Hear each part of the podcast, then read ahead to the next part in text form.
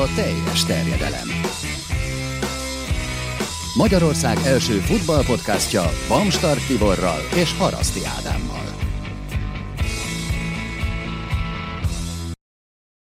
Megvan a Juventus új edzője, elkezdődött a Copa America, és még számos érdekességgel tudunk szolgálni. Bemutatták ezért, és bemutatom mai vendégünket is, Bognár Domokost, aki először van itt nálunk. Viszont már említettük a nevedet többször is a podcastban, mert hogy... Meg hát igazából sok mindent olvashattak tőled, a, főleg azok, akik ugye Twitteren, Facebookon követnek minket, hiszen ugye hát gyakorlatilag nem azt mondom, hogy kezedbe adtuk online sorsunkat, de hogy sokat segítettél nekünk ugye az idei szezonban a különböző Azért sok az, sok az egy kicsit ilyen erős túlzás. Hát ilyen, ha a posztjainknak a százalékát megnézzük, akkor az igen jelentős szerintem, amit Igen, szerintem most már azért egy ilyen 60-70 százalékát te írod a posztjainknak, nem? Hát gyakorlatilag, ami ugye nem arról szól, hogy mi megosztjuk bármelyik adást, az tulajdonképpen te szoktál lenni. Hát majd megnézzük az Opta statisztikáit. Opta János. Na de hát ö, arra bíztatunk, hogy továbbra is ilyen szorgosan ö, vegyél részt a műsor ö, hátterének az előkészítésében. Viszont te sem úszod meg a szokásos kvízkérdésünket. Zajlik az U21-es Európa bajnokság, ezt nem említettem itt a fő témák között, de egy kicsit szerintem majd ebbe az irányba is elkanyarodhatunk, mert annak is van érdekessége. Az olasz válogatottban bemutatkozott Moiseken, akit Olaszországban azért most már a felnőtt válogatottból is ismerhetünk, meg az egyik legnagyobb tehetségnek tartanak az olasz csatárok között, 19 évesen és 109 naposan kettő olyan futbalista volt, aki az U21-es válogatottban nála fiatalabban bemutatkozott. Meg tudjátok-e tippelni, hogy ki volt az? Azért mertem ezt kérdezni, mert az egyik szerintem könnyen kitalálható, és a másik is egy elég ismert név. Húha, várjál. Akkor olyan olasz játékosra van szükség, aki fiatalon, ha még akkor Buffon adná magát. Ő már 17 évese volt felnőtt válogatott. Ugye az U21-es korosztályban, ezt azért mondjuk el a kedves hallgatóknak, hogy ha valaki esetleg nem tudná, az olasz válogatott a legeredményesebb Európában. Tehát ők általában ezt a korosztályt, ezt viszonylag komolyan veszik, vették, és egy nagyon fontos lépcsőfoknak tartják itt a felnőtté válás folyamatában. Hát koromból kifolyólag én inkább a közelmúltban keresgélnék. E, hogyha tippelhetek először, akkor az egyik biztos, hogy Kéza lenne de, de egyáltalán nem vagyok benne. Igen, a korodból fakadóan Erika Chiesát még sokszor láttad játszani a pármában annak idején. De, de tényleg fogalmam sincs. Hát nem, nem árulok el nagy titkot, nekem az olasz foci az, az nem az első helyen áll a sorban. Na, én meg akkor az előbb ugye Buffont mondtam, akkor legyen ő az egyik, meg valamiért nekem, amikor ezt a kérdést mondod, egyből Gigi Kazirági ugrott be, de hogy ez miért, vagy hogyan, az... Mert volt a szövetségi kapitánya és lehet, a szövetségi lehet, edzője lehet, ennek lehet. akkor aztán, na visszatérünk majd erre, de akkor tényleg... Már még egy második tipp, bocs, uh, Del Egyik sem talált, ezt ezért nagyon elmondom jó. előre is. Viszont egyébként nagyon jó felé tapogatóztatok, ezért féltem is, hogy megmondjátok a megfejtést, de, de nem sikerült. Na hát, nem is tudom, hogy hogyan haladjunk fontossági sorrendben. Bocsánat, csak félbeszakítottam közben itt a bemutatással kapcsolatban, mert ugye azt is mondjuk el azért, hogy ugye hát kollégáról van szó, hiszen ugye te is. Persze, a Spiller TV kommentátoráról beszélünk, ezt majdnem elfelejtettem mondani, úgyhogy nekem közvetlen kollégám ilyen szempontból is doma. Többek között már konferáltalak föl mm, angol összefoglalóban is, de hát angol bajnoki Premier League mellett azért közvetítette jó néhány spanyolt, meg bajnokok ligája meccset is ebben a szezonban. Hát a spanyol volt a fő profil, azért nem hallottak az emberek javarészt, mert nekem már az is óriási lehetőség, hogy a Spiller extrán közvetítettem, és ott volt a közvetítéseim nagy része. Most összeszámoltam itt a szezon végén, 87 meccset közvetítettem, ami az nekem egy, nekem egy nagyon nagy szám, és abból 16 volt olyan, ami Spiller 2-es La Liga, és az angolokat meg mind vagy utólag megismételték, vagy ilyesmi. És például az összefoglaló az azért volt nagy lehetőség, mert hogy az ugye azért azt sokan nézik tényleg. Hát meg uh, itt azért a 16 uh, Spiller 2 is azt jelenti, hát. hogy majdnem minden második fordulóban volt legalább egy meccset, hogyha egy az átlagot igen, számoljuk. Hát uh, reméljük, hogy a jövőben ez még inkább nőni fog ez a hát szám. még én, hogy No de akkor, ha már ennyire szereted Olaszországot, akkor én azt javaslom, hogy kezdjük ott, és hát Mauricio Szári kinevezése az több szempontból is szerintem érdekes. Egyrészt amiatt, hogy a Chelsea-től elküldték, másrészt amiatt, hogy egy nápoi születésű, de Toszkánában felnőtt szakember veszi át a Juventus-t, meg hát abból a szempontból is, hogy ez mondjuk milyen mozgásokat indíthat meg itt az európai futbalista piacon, mert mindegyikről lehet hallani, és ezek nem feltétlenül légből kapott dolgok, hogy ő nekik melyik játékosokra lenne szükség, és melyikekre nem. Mit szóltak? a Juventusba? hát ő ott van, úgyhogy ez, ez egyelőre csak azt jelenteni, hogy marad, mert ugye a Juventus futbalistája, és hát ő elképzelhető, hogy marad, Mandzukicsról mondják, hogy, hogy nem. A Chelsea-ből Jorginho Emerson az, akinek az érkezésére elég sokat lehetne tenni, mondjuk ezek ilyen papírforma dílek, nem? Hát az biztos, hogy Szárinak nem egy készkerete van a Juventusnál, szóval az biztos, hogy az ő csőlátásával neki azok a játékosok kellenek, akik az ő rendszerébe beilleszkednek, és ezért lett volna érdekes a Chelsea-nél a második szezon, hogy, hogy ott mit kezd egy olyan csapattal, amivel teljes off-season tud végigcsinálni. Viszont a Juventusnál szerintem nagy átalakítások kellenek, és főleg a védelemben, hogy, hogy meglegyen ez a rendszer, mert David Luiz és Rüdiger nem illet bele feltétlenül abba a rendszerbe, amit ő elképzelt. Ők nem olyan jó passzolók szerintem, és hogyha megnézzük a Juventus-t, akkor uh, Chiellini nálam nem, nagyon nem. Uh, Bonucci még kevésbé, és akkor ott van Rugani, akiről még nem tudunk talán annyit, hogy, hogy meg tudjuk mondani, hogy beleillik ebbe a rendszerbe, viszont hogyha már az átigazolásoknál tartunk, akkor Kulibálit mindenképpen el kéne hozni a Nápoliból, mert hogy az, az egy óriási győzelem lenne neki, hogy van egy olyan középső védő, akiben megbízik, és nem csak védekezésben bízik meg, hanem abban is, hogy meg tudja tartani, és meg tudja játszani a labdát. Nem teljesen légből kapott az, amit, amit mondasz itt Kulibelival kapcsolatban, mert talán nem véletlen az, hogy elég komoly ajánlatot tett állítólag a Napoli Manolasért, a Róma belső védőjéért, és ugye azon múlik állítólag, hogy ki tudják-e fizetni azt az árat, amit a Róma kér érte, hogy mondjuk Diavárából pénzt tudnak-e csinálni Nápolyban. Akit szerintem eladni, meg eltékozolni elég komoly vétek a Nápolinak, de ez csak az én véleményem. Meglátjuk egyébként, hogy ezek hogyan alakulnak. Én egyébként Bonucci-ról azt gondolom, hogy ő ebben, ebben a passzjátékban nem rossz.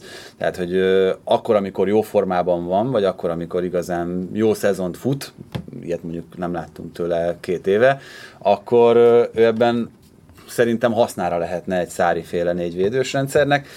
Más kérdés, hogy lesz-e még olyan jó, mint amilyen volt mondjuk három éve. Hát meg neki szerintem a sebessége nincs meg ahhoz, hogyha föltolja egészen a félpályáig a védekezését Szári, akkor utána egy, egy gyors kontrára ő tudjon reagálni. És ez a, ez a gondom Kielinivel, aki erőszakossággal ezt megoldja, de nem biztos, hogy egy hosszú távú rendszerben vele képzelném. Emlékezetek vissza, hogy mennyire csúnyán nézett ki szegény John Terry annak idején, amikor André Villas-Boas átvette az irányítást ugye a chelsea és ugyanez volt a helyzet, hogy tolta hm. felfelé tényleg agyba védekezését a csapatának, és hát szegény azért futóversenyben azért bőven hogy is fogalmazzak, meg lehetett verni igen, és egyébként nyilvánvalóan ez volt az oka a Cahill kihagyásának is elsősorban, most itt Szári által a, a Chelsea-nél, meg az ő dicstelen távozásának, tehát hogy abban van igazság, hogy a, a mozgékonyság az szintén legalább annyira fontos, de azért mondom, hogy szerintem ez valami fajta dominó hatást akár elő is idézhet a, a piacon, hogy, hogy a Juve egy ilyet lépett, mert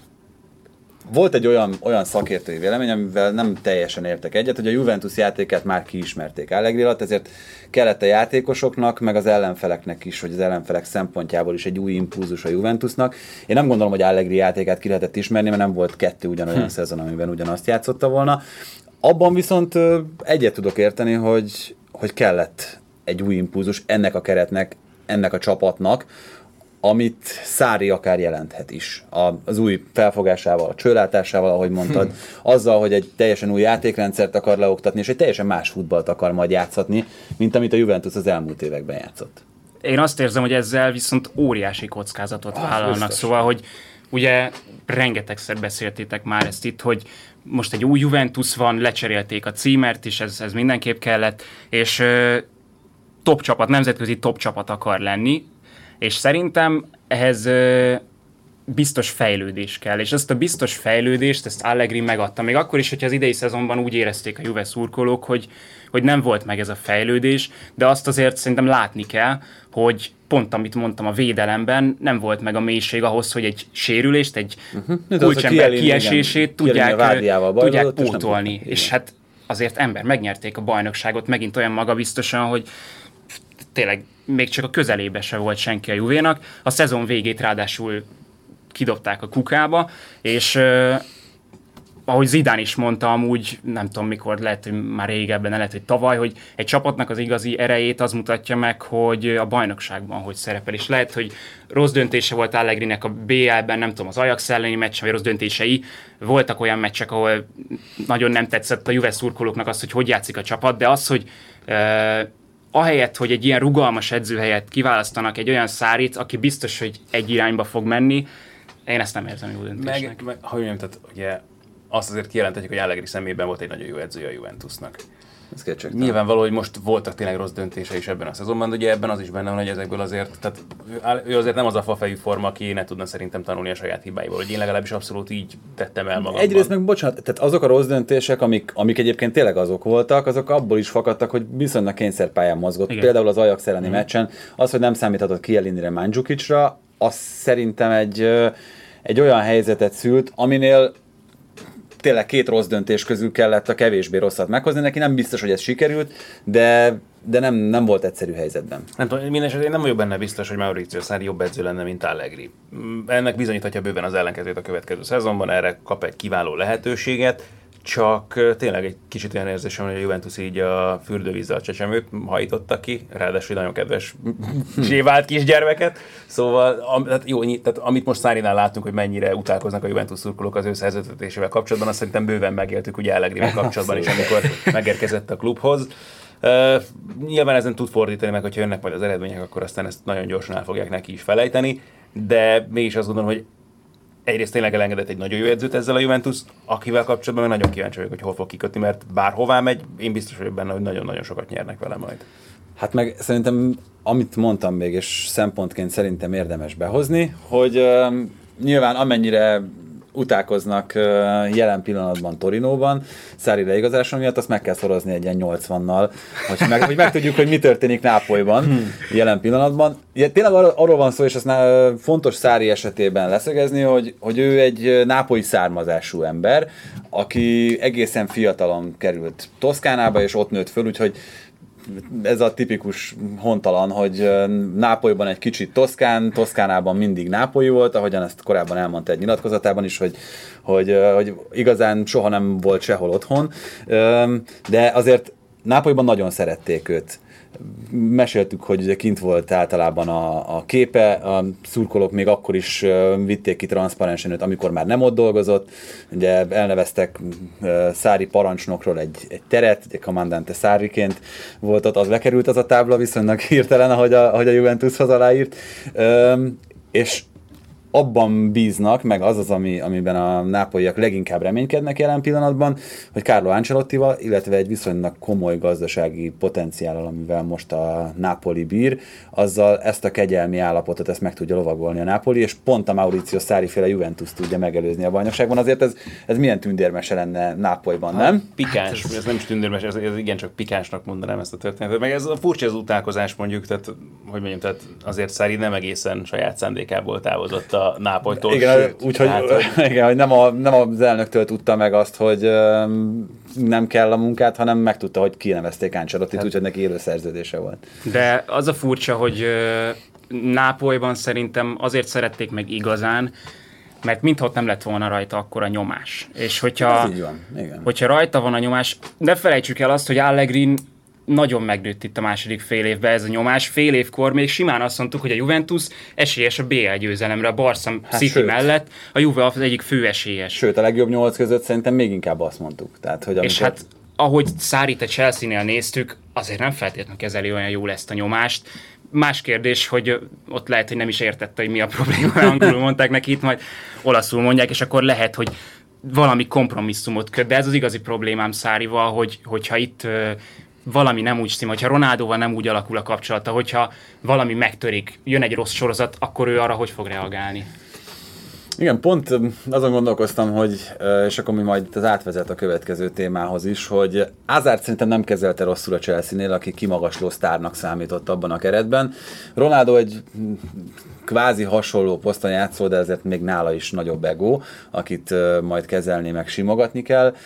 Ezzel nagyon sokszor nyilatkozta ebben a szezonban azt, hogy ő Szári keze alatt tud kitelj, vagy tudott kiteljesedni ebben a szezonban, és ez, ez, ezt a számai is igazolják, a legtöbb gól, legtöbb gólpassz ebben a Premier League szezonban. Mit gondoltok erről a Ronaldo-Szári kapcsolatról? Hát nem tudom, amikor a, tényleg a Nespresso automatom elé leteszed a kotyogot, tehát hogy Két éve nagyjából annyi esélyt adtam volna arra, hogy én most itt fogok ülni, mint arra, hogy Ronaldo Szári keze alatt lesz a Juventusnál. Igen, mondjuk ez, ez így elég sok irányból blokkolódni látszott ez a, ez a folyamat. ha, ha erre tettél volna egy forintot a William Hillnél, akkor hát, nem igen. lenne gond a nyárral. Szóval ki tudja hozni? Mert, mert ugye az nem kérdés, hogy Ronaldoban... Hát, bocsánat, ugye, amit hallottunk, hogy állítólag ugye ezt mondta a Ronaldo Deliknek a Nemzetek Ligája döntője után, hogy micsoda, hogy... Szárival, Szárival vagy Guardiolával Igen, dolgoznál tehát- szívesebben, igen. hát azt nem tudjuk, hogy ő mit válaszolt volna erre, ez csak a kérdést tette fel. De igen, szóval én azt gondolom, hogy legkésőbb itt a, ezen a Nemzetek Ligája döntőn láthattuk, hogy Ronaldoban mekkora potenciál van még mindig. És én azt hiszem, hogy ez edzői kvalitás kérdése, hogy ezt mennyire tudod kiaknázni, mert, mert Ronaldot attól függetlenül, hogy egy fantasztikus nyerőember, használni kell tudni, hogy szépen fogalmazok. Ugyanúgy, mint ahogy egyébként az összes nagy sztárról ezt elmondhatjuk. Hmm. Messit is kell tudni használni, Azárt is kell tudni használni, tehát hogyha őket elpazarlod valamilyen pozícióban, mint ahogy például Szári próbálkozott Azárral középcsatárként, az ott láthatóan nem működött, de egyébként ezt beláttad szezon közben, és aztán nem is nagyon erőltette ezt a, ezt a játékot. Nem tudom, Szóval hogy van egy ilyen bónuszlövése Ronaldónál, tehát hogy De Ronaldo az a típus, aki szerintem az öltözőben úgy alapvetően nem bomlaszt. Azzal tud nagyot bomlasztani, hogyha a pályán neki elmegy a kedve a játéktól, és még ki abban... az, aki buktató, aki edzőbuktató a nagy sztárok közül? Nem tudom, Ibrahimovic-tól kezdve John azért... Terry. Azár, Azár, Azárt én nem érzem annak, sőt. Hát azért azt mondják, hogy Mourinho menesztésében benne volt a, a keze esetleg. Igen, meg ott ez, ez, ez szerintem ezért Kobenben tanítják, hogy megtanulják gyorsan a játékosok, akik odaérkeznek, tehát Hogyan buktassunk edzőt, ez a második tananyagnak, vagy a második órának a tananyaga. Na jó van, hát ö, tényleg itt Azáról nem véletlenül ejtettem szót, mert hogy őt is bemutatták Madridban, egy kicsit kevesebben várták őt, mint amennyien, amennyien gondolták, hogy, hogy lesznek 50 ezeren voltak a stadionban, de telt házat reméltek. Öm, van akkora játékos, Azár, hogy, hogy ez jogos volt az az elvárás, hogy megteljen egy Bernabeu? nincs nyilván, és ez, hogy mondjam, tehát most is neféle bántás nélkül ez egy nagyon-nagyon-nagyon jó játékos, de hogyha, hát meg jó, igen, tehát mondjuk most azon gondolkozom, Kakára megtelt annak idején a Bernabeu, nem? Hát Majdnem. Az volt 70, nem, nem, bocs, 55 ezer. Szóval hogy ott, ott sem Ott sem? telt el. Igen, mondták, hogy a, vagy írták, hogy a harmadik volt uh-huh. a, De várjál, bocsánat, fölteszem másképp a kérdést. Van olyan játékos jelenleg, akire megtelt volna? Mbappé-ra megtelik, hogyha őt Messzire biztos megtelt. Pog- Pogbára megtelik? Na de azért, azért kérdezem, hogy Igen, ez- hogyha itt Igen. innen nézzük, Abszolút, abszolút. Attól abszolút. függ, hogy milyen az időjárás. Mbappé, Mbappé, rossz, rossz idő szokott lenni nyáron. Hát, hogy megtelt volna ebben, azt nem tudom, de hogy többen jöttek volna, abban biztos vagyok.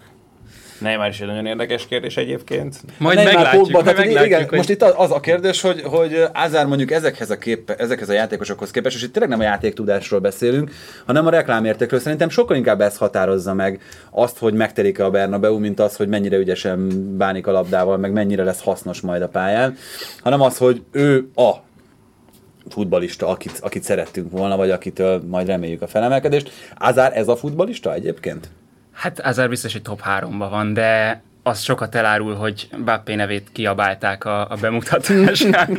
Az milyen jól eshetett neki, nem? Florentin nem biztos, hogy hallottam, mert el van ugye üvegezve a jegypipához, de jelzésértékű volt. Hát nem, egyszerűen nem értem, hogy hogy fér bele ez a financial fair, play, fair play-be, hogy ennyi embert, mennyi 350 300, há- hát 303 vagy 305 milliónál tart jelen pillanatban a Madrid, és hát most uh, még ugye, ha minden igaz, akkor egy ilyen 200-as, 200-as üzlet, vagy 200-as körüli üzlet készülődik, de hogy ki lesz az, az nagyon nehéz egyelőre megmondani.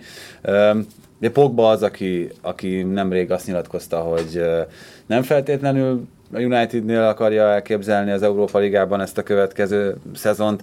Neymar neve esetleg beugrott, mint lehetséges érkező, akinél ugye azt táplálja ezeket a plegykákat, mint most csak tényleg plegykákról beszélünk, hogy, hogy nemrég azt mondta Nasser Kelaifi, hogy nincsen szükség primadonnákra.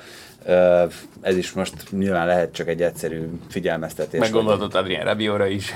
Hát többek között így van. Um, és ugye ki az, aki még, aki még esetleg szóba jött? Mbappé. Eriksen. Eriksen. Eriksen így van, na, teljesen igazad van. Hát Eriksen sem lesz 50 pluszos, mármint hogyha itt a, itt a kilátogatókat, de egyébként hatékonyságban, meg, meg mondjuk hatásban, a csapatra gyakorolt hatásban szerintem megközelíti az árt. Nyilván, sőt, persze, persze. Hát Eriksen helyébe ezt azért kétszer meggondolnám. Szóval most ha azt is nézzük, hogy hogyan fog felállni ez a Reál, ugye jöttek az új igazolások, a szélsőkből nagyon nagy a túltelítettség, az, az egyértelműen látszik, de ott a középpályán is, hát van egy, ott van még egy Modric, ott van egy Kroos, egy Casemiro, hogyha jön még egy Pogba, és jön még egy Eriksen, akkor uh, arról azért nem hallunk annyira biztos híreket, hogy a Modric, a Casemiro, a Kroos el fog igazolni, sőt... Hát sőt, Kroos most hosszabbított Igen, igen, azért mondom, hogy Kroos szinte biztos, hogy marad, Modric meg most nincs olyan helyzetben, hogy, hogy, hogy akkor én most eligazolok, szóval... Hát Dani Ceballos. Ceballos nem is beszéltünk még, így van. De, de, de ugye Iszkó érdekes kérdés meg ebből a szempontból. Tehát... Így van. Hát ilyenkor felmegy azért a pumpa az emberbe, mikor azt nézzük, hogy ott ül, vagy ott fog ülni Bél, Isco, Asensio a kispadon. Most, most éppen a legfrissebb ugye az, hogy, vagy ami, a legfrissebb, amit most a napokban olvastam, hogy által a kölcsönbe is vinni őt a Bayern. Úgyhogy az is egy érdekes sztori Szerintem lenne. lesz egy ilyen történelmi, először fordul elő, hogy valaki úgy ott maradjon egy csapatnál, hogy ő aláírja azt, hogy ő golfozik, ő nem is jár edzésre, de hát benne van a szerződésben, hogy ki kell fizetni érte a havi, nem tudom, x összeget, és, és ő jól fogja érezni magát úgy, hogy golfozik. No, uh, mielőtt rátérnénk a, a nagy tornákra, még kettő hír van, amire szerintem mindenképpen érdemes reagálni. Az egyik, hogy Michel Platini nemrég uh, megtörtént letartóztatása. Nem olyan régen beszéltünk itt, azt hiszem Toma volt nálunk a podcastban, aki mondta, hogy nagyon kíváncsi lesz arra, hogy hogy Platini vajon amikor letelik ez az eltiltása, akkor visszatér és megint az európai futball egyik irányítója vagy háttérirányítója lesz. Hát kiderült, ugye itt a 2022-es Katari világbajnokság odaítélésével kapcsolatos anomáliák miatt, hogy nem lesz az európai futball irányítója, vagy legalábbis a börtönből kell ezt megtenni ezt a... Kopogtat a radiátoron. tehát onnan nehéz viszonylag irányítani az európai futball. Ugye egyelőre csak letartóztatták, tehát hogy most jó, jó, hát, ebből mi lesz meg. Igen, az hát ártatlanság ez... vélelme illesse meg. Kis kópé.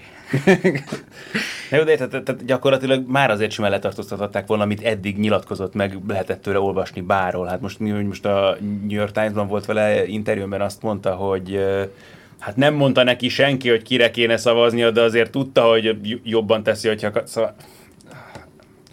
Vicc az egész komolyan, meg hogy mi tartott idáig, csak, de hogy Gianni hát, hogy járhat még szabadon meg, hogy, szintén. Meg, meg, hogy miért, tehát hogy miért most miért történik. Blatter, hogy járhat szabadon, hát ne hülyéskedjünk hm. már, édes jó Isten. De nincs, aki felelősségre vonja őket. Hogyha mondjuk azt nézzük, hogy itt van egy ország, aminek, tényleg most nem akarok politikába keveredni, csak ilyen hasonlat, hogy ott van egy ö, valamilyen politikus, vagy bármi ilyesmi, akit valaki felelősségre tud vonni, úgy a fociban, az UEFA alatt nincsen ott egy olyan közösség, aki azt mondja, hogy ne hülyéskedj már, takarodjatok onnan mind, aki, mind aki ilyen csaló, mindenki pénzért megvett, vagy pénzért eladott egy, egy világbajnokságot, megteheti, és hiába van szó akkora összegekről, amiben tényleg már nem tudunk belegondolni, senki nem fogja őket úgy felelősségre vonni. Meg az senkit nem érdekel, hogy naponta hányan halnak meg Katarban a Igen. világbajnokságra való Pontosan. előkészületekben. Érted, meg Cseferinek is bocsánat, van pofája ezt nyilatkozni, amit most lehetett hallani azzal kapcsolatban, hogy az angol klubok reklamáltak ugye az Európa Liga döntőjével kapcsolatban. Tehát kérem, tehát basszus, tényleg kikérem magamnak, tehát ezt nem hiszem el. Van igazság abban nyilván, amit meg persze el kell vinni mindenhova, csak azt is pontosan tudjuk, hogy Azerbajdzsánban nem azért került az Európa Liga döntője, mert hogy, hogy milyen fontos nekünk, hogy itt az emberek lássanak igazi futballt.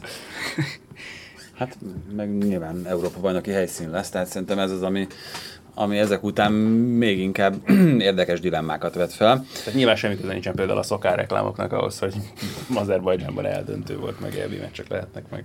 Na mindegy is. Igen, a másik sem egy különösebben szívderítő téma, amiről én még mindenképpen beszélni szerettem volna. Kicsit visszatérve Olaszországba, Francesco Totti távozása.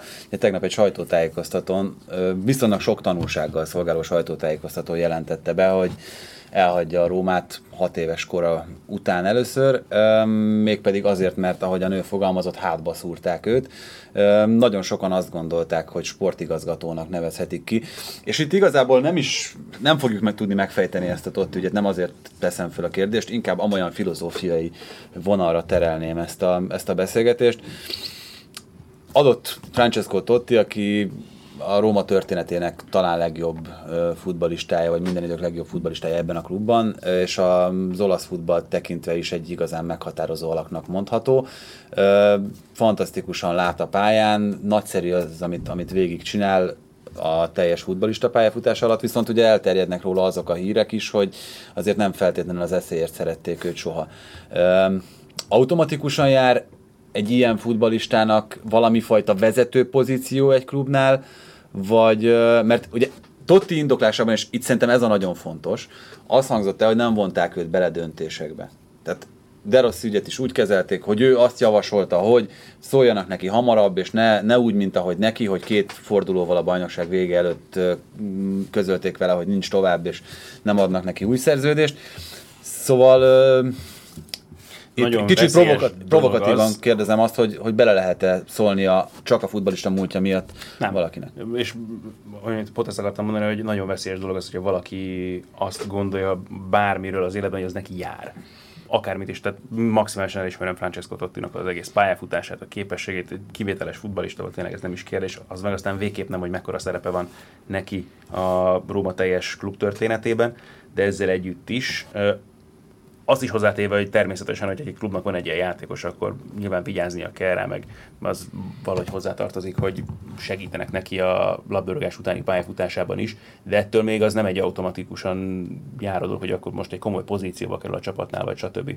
Tehát ez egyébként is egy ilyen furcsa dolog, és nyilván ezt Magyarországon többször tapasztalja korábbi futbalistáknál, hogy ők úgy vannak vele, hogy ha nekik vége a pályafutásuknak, akkor már pedig az nekik jár, hogy ilyen meg olyan kedvezményeket kapnak, meg azonnal akkor lehetőséget a klubnál. Tara, tara, tara, tara, Én azt nem állítom, hogy jár, viszont azt, hogy lehet, hogy Tottinak nincs esze, viszont hogyha a klub vezetőinek van esze, akkor őt olyan szószólónak használhatják. Szóval, hogy az biztos, hogy egy abban az évben odaérkezett valamilyen pénzes igazgatónak, technikai igazgatónak, klubvezetőnek kevésbé fognak hinni, mint Tottinak, hogyha, hogyha azt mondják, hogy akkor most mondd már el ezt a szurkolóknak, és nem hiszem el, hogy ebbe nem lehetne bevonni azokba a döntési folyamatokba, De amibe mondjuk az ilyen lehet, Rossi, hogy... Rossi esetbe, hogy, hogy kikérjék a véleményét, aztán azt mondják, hogy jó, nem fogadjuk el. Szóval hogy, meg lehet ezt úgy oldani szerintem, hogy, hogy ne kelljen a hátam Ez nem tudom pontosan mi volt Tottinak a hivatalos posztja, amikor kinevezték. Igazgató, és azt nem tudta senki, milyen ez igazgató. Azt, Tehát, Tehát, hogy, ha mondjuk valami olyasmit... Nyilván sportigazgató volt Moncsi, és mellé helyezték oda olyan igazgató asszisztensnek, vagy nem tudom pontosan, mert ugye nem nagyon lehetett meghatározni, hogy,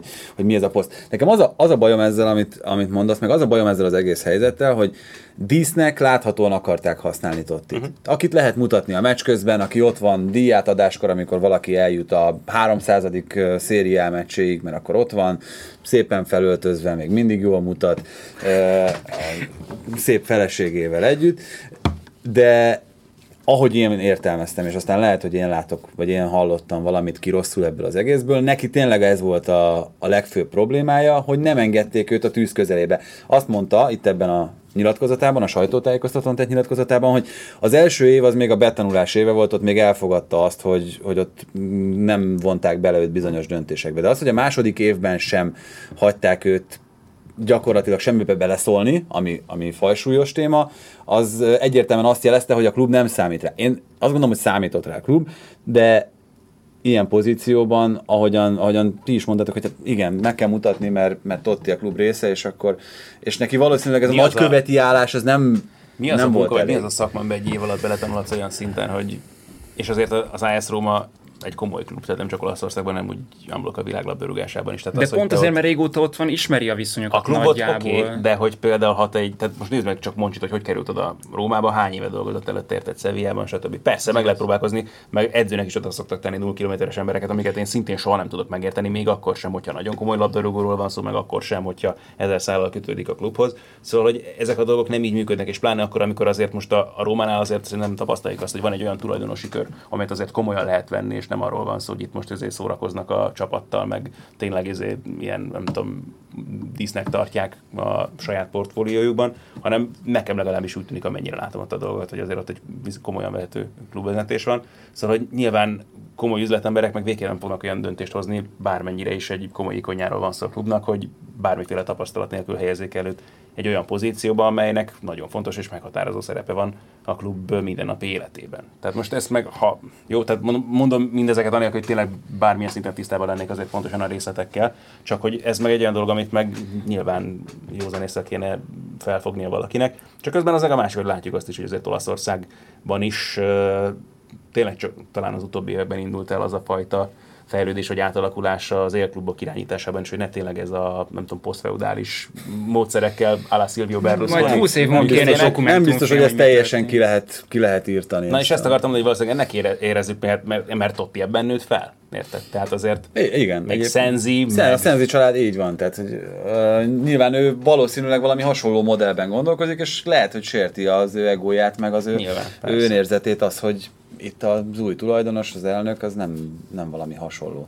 Viszont modell. bocsánat, ha itt vagyunk már a Rómánál, néhány hete egy kedves hallgatónk írta valamelyik adásunkkal, amikor foglalkoztunk olasz focival, hogy beszélhetnénk egy kicsit tényleg Daniele De De Rossiról is, mert Mindenképpen igen érdemes. egy, nem csak szintén akkor, amit Tottival kapcsolatban elmondtuk, nem csak a római konyáról van szó, és nem csak ilyen szempontból fájdalmas nyilván a szurkolóknak az ő távozása, hanem úgy ámblok az olasz labdarúgás, és azért talán egy kicsit úgy egyetemesen is oda tehetjük azért egy viszonylag magas polcra. Szóval ti mit szóltatok egyáltalán ez az egész dologhoz? Hát egyrészt az, amit, amit, és akkor itt van összefüggés is a kettő között, amiről beszéltünk, hogy Totti is számon kérte a vezetőket, hogy hogyan kezelték ezt az ügyet. Én azt hiszem, nem véletlen az a statisztika, ezt Egri Viktortól hallottam az egyik közvetítésben, talán pont itt az utolsó előtti fordulóban a De Rossiról, hogy De Rossival még mindig jobb százalékban nyerte meg a meccseket ebben a szezonban is a Róma, mint nélküle ami egyáltalán nem azt jelzi, hogy ő fék lenne ebben a csapatban. Bár mondjuk ugye Viktor statisztikáit ismerjük. Hogyan szereti őket elhelyezni?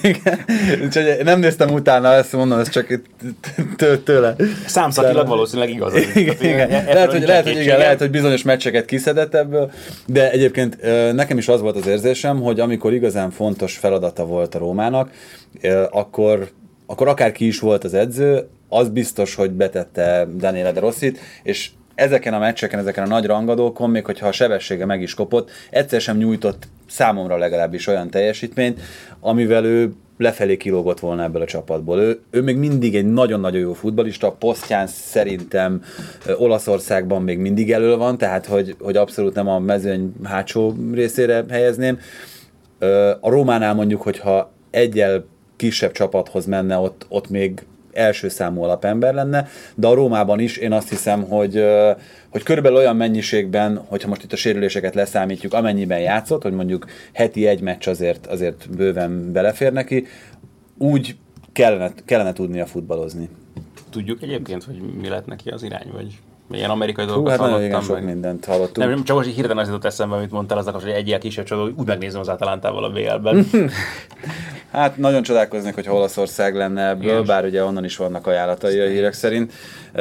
Ugye itt szó volt arról, hogy Sevilla, Moncsi miatt, meg a Moncsival való kapcsolat miatt, de hát De Rossi korábban emlékszem egy nyilatkozatára, amiben arról beszélt, hogy ő, ő neki Amerika egy nagy Szerintem álma. is Amerika lesz a, lesz Ez a a. Sevilla sztorival kapcsolatban meg Enzo Maresca ugrott be hirtelen. Egy hasonlót járt be. Hát igen, De Rossi, én, nekem van egy személyes élményem, meg emlékem róla, amikor kim voltam a 2006-os foci vb és ott ugye a könyöklés miatt kiállították az amerikaiak ellen, és ott nem volt a stadionban visszajátszás, úgyhogy nem, nem is értettem, hogy, hogy mi lehet a probléma, vagy hogy miért küldték őt le a pályáról. Akkor tűnt, legalábbis nekem akkor tűnt föl előtte egy szezon, hogy milyen ügyes ez a, ez a gyerek, és hogy, hogy mennyire jó. és ott, mint az olaszoknak egy kicsit szurkoló ö, tudósító, egy, egy, azért az, az nem esett jól, és akkor miután már láttam, hogy mit csinált, ott, ott haragudtam rá, hogy hogy lehetett ilyen marha, hogy minek kellett. Azért ez a könyök, ez többször előjött így a pályafutása során még. Egyiket azt pont én közvetítettem, amikor Strinát könyökölte le egy Sáktár Donetsk elleni bajnokok ligája meccsen. De, de az a szenvedély, és és utána egyébként, ahogy a döntőben játszott, csak befejezve ezt az előző sztorit, az, az megint csak félelmetes volt, mert oda tért vissza az eltiltása után, és nem véletlen az, hogy, hogy ott akkor Lippi azonnal használta őt. De egy nyilatkozata van, ami, ami nagyon megragad bennem. Egy római derbi előtt mondta azt, öt éve, lehet, hogy hat, hogy, hogy azért most már sokkal jobb, hogy beérett, akkor volt, tudom én, 27 éves, vagy 28 éves, mert hogy az első mit tudom, 15 római derbi előtt nem tudott aludni, és hogy az a játékára is valamilyen szinten hatással volt. Most már legalább pár órára le tudja csukni a szemét egy Láció elleni meccs előtt. És ez a szenvedély, meg ez a, ez a hihetetlen akarat, ez, ez azért az ő futballján mindig látszott, és ez az, ami szerintem egy nagyon-nagyon fontos jellemmé karakterét tette őt a pályán, hogy ezt a szenvedélyt ezt nem csak ő maga képviselte, hanem olyan szinten átragasztotta a többi csapattársára is, hogy ettől tényleg 10%-kal jobb lett az a csapat, amiben ő játszott. A Róma gátúzója?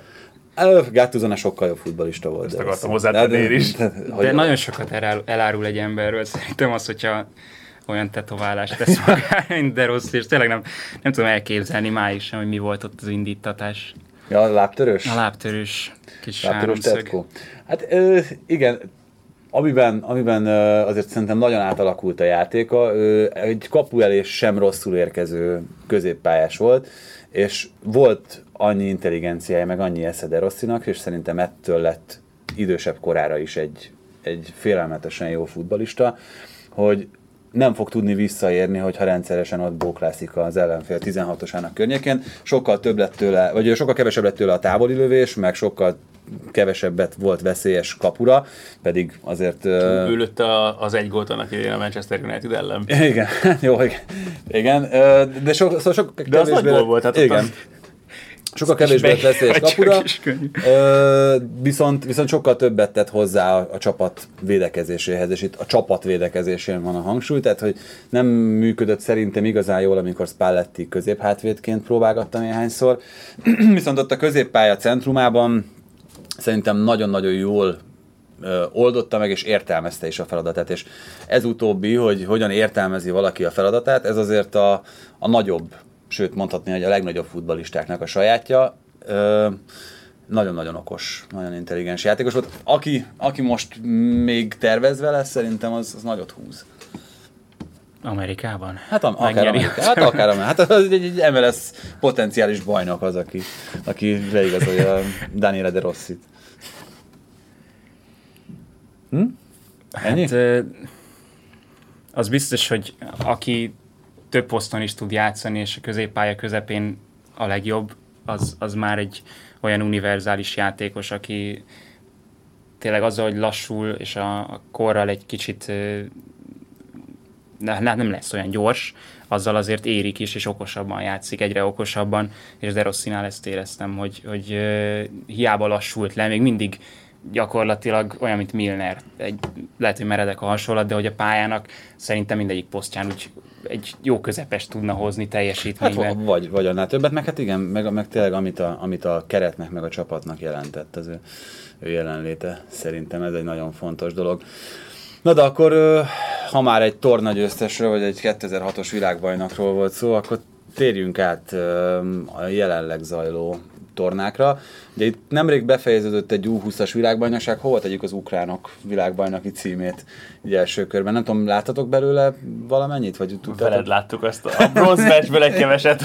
Igen, de azon kívül akkor nem figyeltétek. Én a döntőnek néztem az a hosszú összefoglalóját, de hát abban nem sok derült ki. Szerintem nagyjából annyit ér, mint mondjuk a magyaroknak az U20-as VB bronzérme. Igen, erről beszélgetünk, azt hiszem mi is akkor ott a Igen, de, de, én azt nem értem egyébként, hogy bennem azt fogalmazódott meg, anélkül, hogy én is sokat láttam volna ebből a tornából, hogy honnan, tehát ugye annak idején még volt egy műsor az egyik kereskedelmi csatornán, amin a magyarul még kevésbé jól beszélő Gianni volt a műsorvezető, és azt kérdezte, hogy ötlet jött honnan, tehát hogy a, a, a, a, honnan jött ez a korosztály, meg ez a, ez a csapat az ukránoknál. Mert itt azért nem arról van szó, hogy egy-egy tehetség itt véletlenül előkerült, hanem azért ez egy, egy egész komoly garnitúra, még akkor is, hogyha egyébként nem lesz belőlük valami, valami csoda csapat felnőtt szinten, bár ugye azt látjuk, hogy azok a csapatok, akik mondjuk 20-as korosztályban már jól teljesítettek, azokból nem ritkán épülnek be egészen, egészen ügyes emberek a,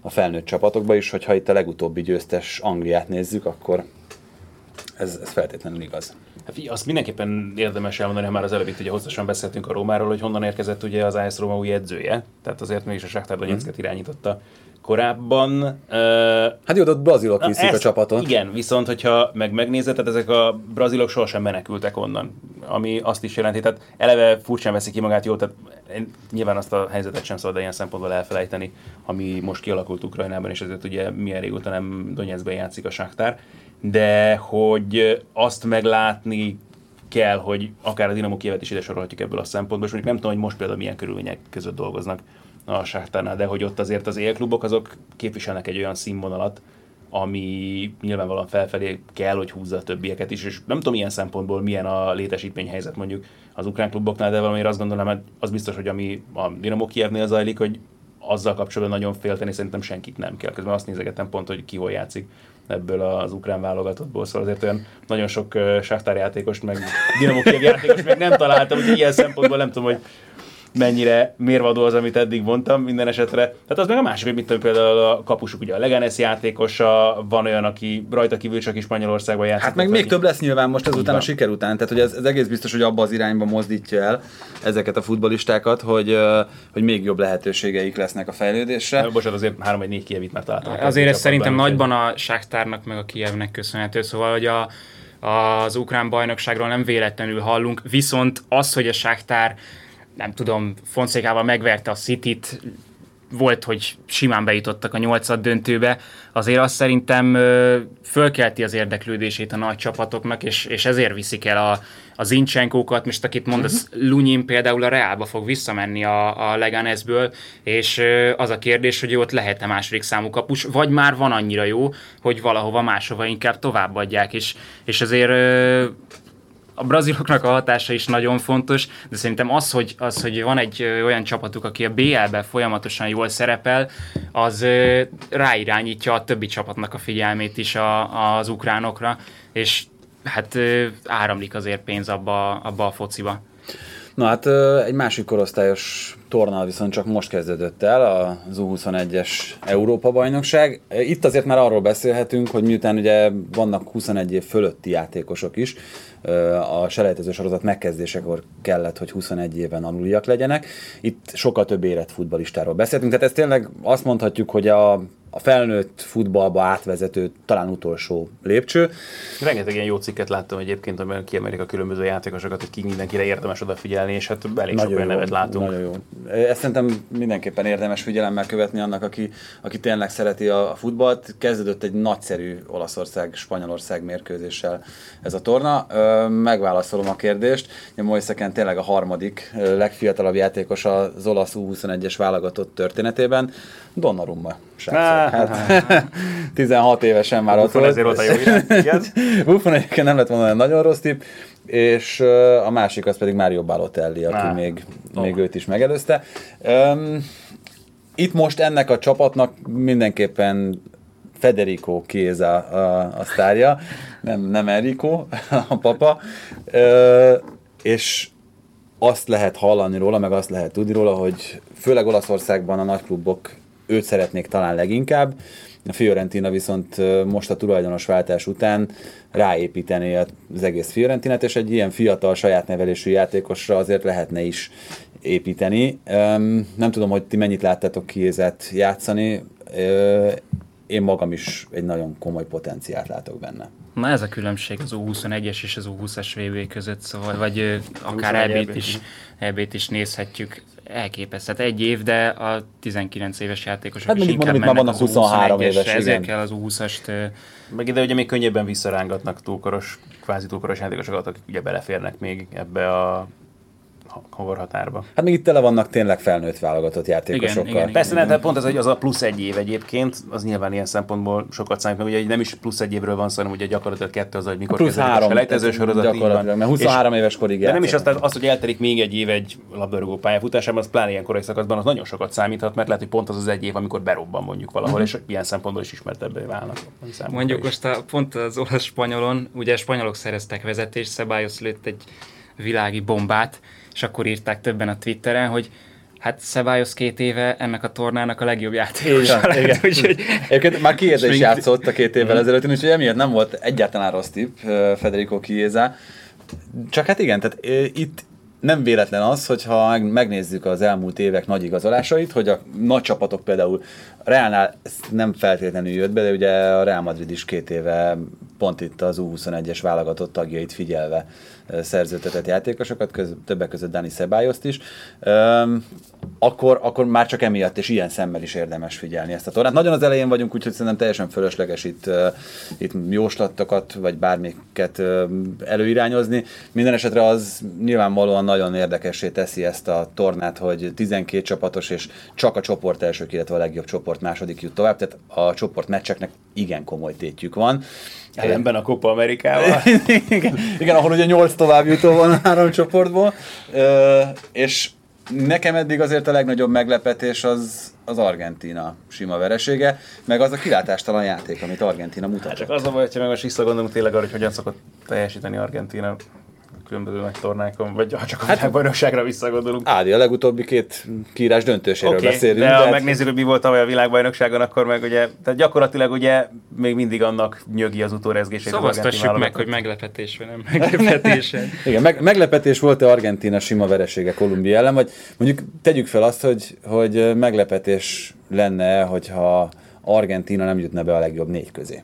Tornán. Tartalékolnak a végére, lehet, Ja, hogy ez a, hát formai- ők, ők még tudják, igen, ők még tudják, hogy itt most nem kell még kiadni magadból mindent, mert még itt a csoport harmadikok is tovább fognak jutni, vagy legalábbis kettő igen.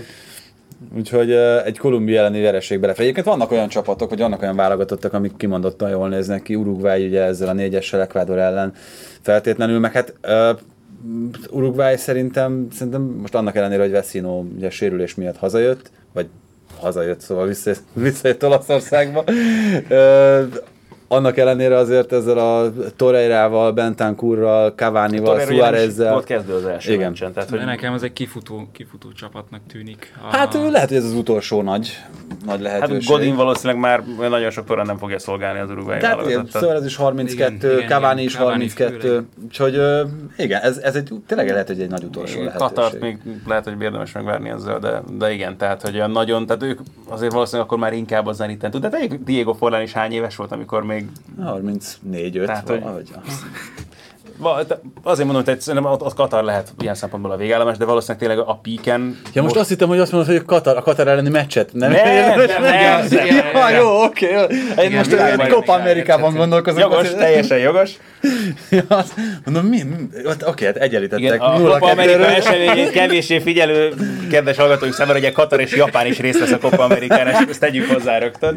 Úgyhogy itt érdekességeket akarunk még felsorolni a tornával kapcsolatban. De mindegy, szóval azért szerintem még van némi lendület mindenképpen ebben a csapatban, de az biztos, hogy tehát ennél sokkal jobbat, többet nagyon várni már ettől a garnitúrától nem nagyon lehet valószínűleg, az egyértelmű. De te, a, a, a, nagy különbség egyébként akkor meg az argentinokkal kapcsolatban, hogy egyrészt van egy összeszakott keret, nem egy olyan kapitány, aki emberemlékezet óta tényleg ott ül az uruguayi Hát kispadon. ő is hozzátartozik ehhez a kifutó Vagy igen, tehát ugye már az nem világbajnokságon hiszem, is arról volt szó, hogy nem Igen, marad majd igen, Tabarez, aztán szerencsére még mindig ott van, és ez meg annyira megható, meg olyan jó látni egyáltalán tényleg, hogy valakit ennyire hajt a szenvedély még ilyen körülmények között is, és ennyit hozzá tud tenni egyáltalán tényleg egy közösségnek a munkájához, szóval ilyen szempontból is nagyon, nagyon tetszik nekem ez az uruguayi válogatott. Na hát itt is még csak egy körön vagyunk túl, úgyhogy azért nagyon messze menő következtetéseket nem lehet levonni. Még a két csapat, amelyikről mindenképpen érdemes beszélni, a címvédő Chile, viszonylag sima győzelemmel Alexis kezdett. Sánchezzel. Kiderült Alexis Sánchezről, hogy még mindig tud azért futballozni, meg hát ugye Brazília, mint házigazda, amelyik egy 3-0-val kezdett, Neymar nélkül, de, uh-huh. de Coutinho-val. Ö, és ez a fontos, hogy Coutinhoval, mert, mert neki fontos ez a kopa. Én úgy érzem, hogy ez, ez, ez a kopa nem, nem igazán hozza lázba se az embereket, se a játékosokat. Na, de hogyha, az biztos. Hát hazai rendezés relatíve lázba hozza, de borzasztó drágák a jegyek, azt mondták, hogyha nem Brazília játszik, akkor, akkor félház. Jövőre is úgy is lesz kopa, úgyhogy majd ott is Igen. nézhetik ezeket a csapatokat. Viszont coutinho meg azért fontos, mert neki meg vissza kell építenie magát valahogy, úgyhogy Hát és most ugyanez a Neymar sérülés, ez mindenképpen őt, őt segít. Jó, jött neki, tapsolt otthon örömébe. Viszont öt, öt vagy hat meccs azért neki az, az nagyon sokat jelenthet, hogyha mindegyiken még ilyen malac gólokat is szerez, mint a mostani meccsen, de, de az nagyon sokat számíthat neki, hogy el tudjon igazolni valahova. Én sajnálom, hogy ilyen, ilyen, ilyen bohóc csinálnak azért a kopából, tehát hogy egyrészt ugye ez az össze-vissza rendezés, meg akkor ezekkel a furcsa meghívott csapatokkal, meg tudom is én, szóval lehetne azért ez komolyabban. De hát, a, hát csapatok mindig voltak, csak hát inkább Mexikó meg Egyesült Államok. Igen, szóval az a, az a hát az egészet kellene újra gondolni, vagy egy ilyen hogy hívják, pánamerikai bajnokságot, vagy pedig, amit nyilván a pénzügyi része miatt nem fognak megvalósítani, az a régi típusú VB-szerű dolog, hogy csak négy csapat, vagy nem tudom, nyolc, ugye tíz csapat tartozik, igen. azt hiszem a, a Conmebol-ba. De és azt is lehetne, akkor legyen két ötös csoport, érted? És akkor már egy fokkal komolyabban néznek ki az egész történet, hogy na mindegy, szóval. Hát az, tényleg az a legnagyobb komédia, hogy meghívnak ugye egy Japánt, és Japán megjelenik az U21-es, vagy nem tudom, U23-as csapatával, mert ők az olimpiára készülnek. Igen. Ez, igen, ez sajnos azért sokat levesz a komolyságából, és, de ettől függetlenül egyébként engem az a, az a része is érdekel. No, befejeztük itt a fő témáinkat erre a hétre, de a héten jelentkezünk szokás szerint majd második adással is, és abban is Doma lesz segítségünkre. Volt egy kérdés még nem olyan nagyon régen a Facebook oldalunkon, hogyha jól emlékszem. Igen, ami... ez a, ugye a felvett adásunk uh, alá érkezett ugye ez a komment, a, ugye amikor... Roma, jól emlékszem? A hibát legyen. Amilyen gyakran nézed a közösségi médiát. Igen, szóval volt egy olyan, hogy a kommentátorok felkészüléséről is csináljunk egy hasonlót, és ezt fogjuk tenni majd csütörtökön mindenképpen, úgyhogy érdemes minket akkor is meghallgatni. Doma a mostani segítségedet és részvételedet köszönjük szépen. Köszönöm, hogy itt lehettem. Nektek pedig a meghallgatást. Egyelőre úgy áll a helyzet, hogy még nem marad abba a teljes terjedelem, úgyhogy jövünk csütörtök után természetesen a jövő héten is. Sziasztok!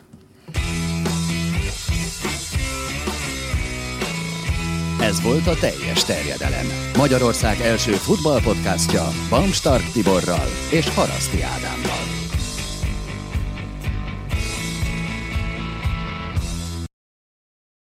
Ha más podcastekre is kíváncsi vagy, hallgassd meg a Béton műsor ajánlóját. El tudod képzelni, hogy a podcastet, amit éppen most hallgattál, fél év múlva már a mesterséges intelligencia generálja? Mi sem. De ha érdekel, eljötte már a gépek lázadása. Hallgass bele az Embertelen podcastbe. Orsós Lajos vagyok, a műsor házigazdája. Egyelőre még élőben. Egyelőre. Fedezzük fel együtt, hogyan ismerkedik, randizik, mesél és vitatkozik Betty és Péter, két teljesen mesterséges intelligencia. Lajos, a podcast címét mond még egyszer, Léci. Oké. Okay. Embertelen podcast. Ez a műsor a Béton közösség tagja.